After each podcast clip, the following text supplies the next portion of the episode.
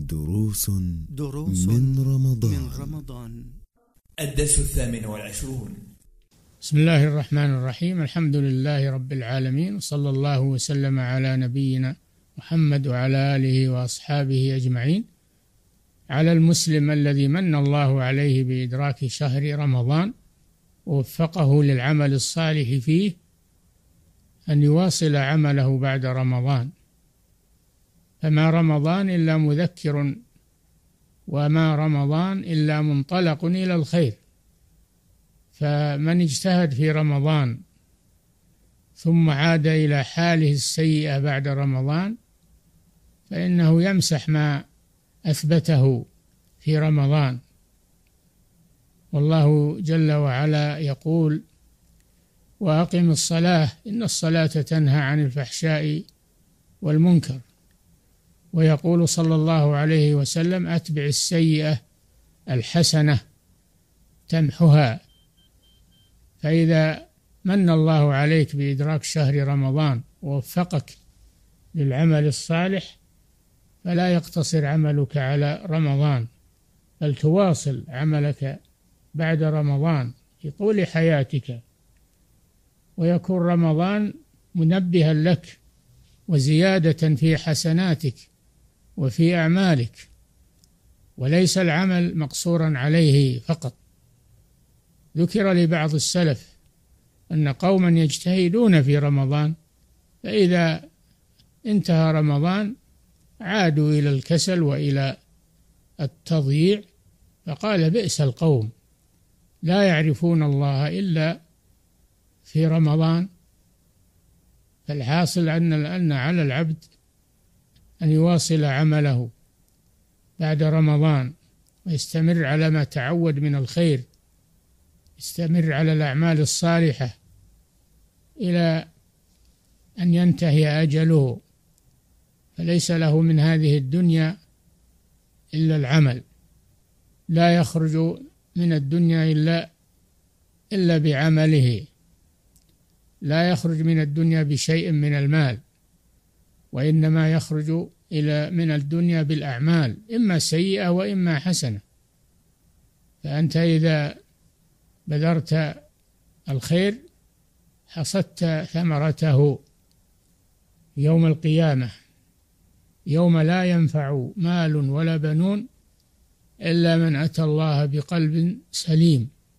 فالمسلم عبد لله في رمضان وفي غير رمضان. الصلوات الخمس واجبة. كل يوم خمس مرات. خمس صلوات في اليوم والليلة في رمضان وفي غيره. وكذلك سائر العمل. مطلوب منك ألا تمر أوقاتك وهي فارغة من العمل الصالح. فهذه الأيام خزائن. يودع فيها العباد ما عملوه. في يوم القيامة تفتح هذه الخزائن.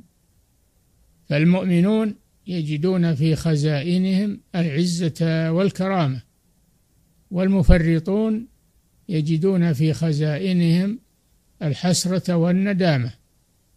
فليس عندك إلا هذه الأيام التي تعيشها فعليك أن تشغلها بالخير. خصوصا الفرائض. قال الله جل وعلا في الحديث القدسي وما تقرب إلي عبدي بشيء أحب إلي مما افترضته عليه ولا يزال عبدي يتقرب إلي بالنوافل حتى أحبه فإذا أحببته كنت سمعه الذي يسمع به بصره الذي يبصر به ويده التي يبطش بها ورجله التي يمشي بها بمعنى أن الله يوفقه في هذه الأعضاء. فلا يتحرك في الشر ولا يتحرك في المعاصي وإنما يحركها في طاعة الله وفي الخطى إلى المساجد في الركوع والسجود في سائر الأعمال الصالحة. فهذا هو حظك من هذه الحياة الدنيا.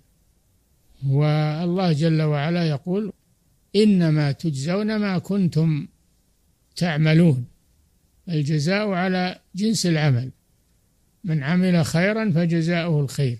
من عمل شرا فجزاؤه الشر. إلا أن يعفو الله سبحانه وتعالى.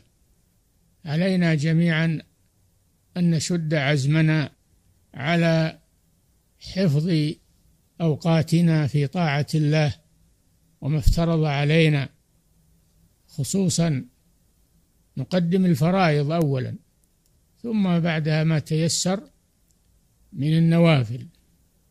وأنت بحاجة إلى ذلك. أحوج من الطعام والشراب لأنها زادك إلى الآخرة. الله جل وعلا يقول وتزودوا فإن خير الزاد التقوى. تزود. فعليك أن تحافظ على فرائض الله في أوقاتها مع الجماعة. عليك أن تحافظ على الأعمال الصالحة.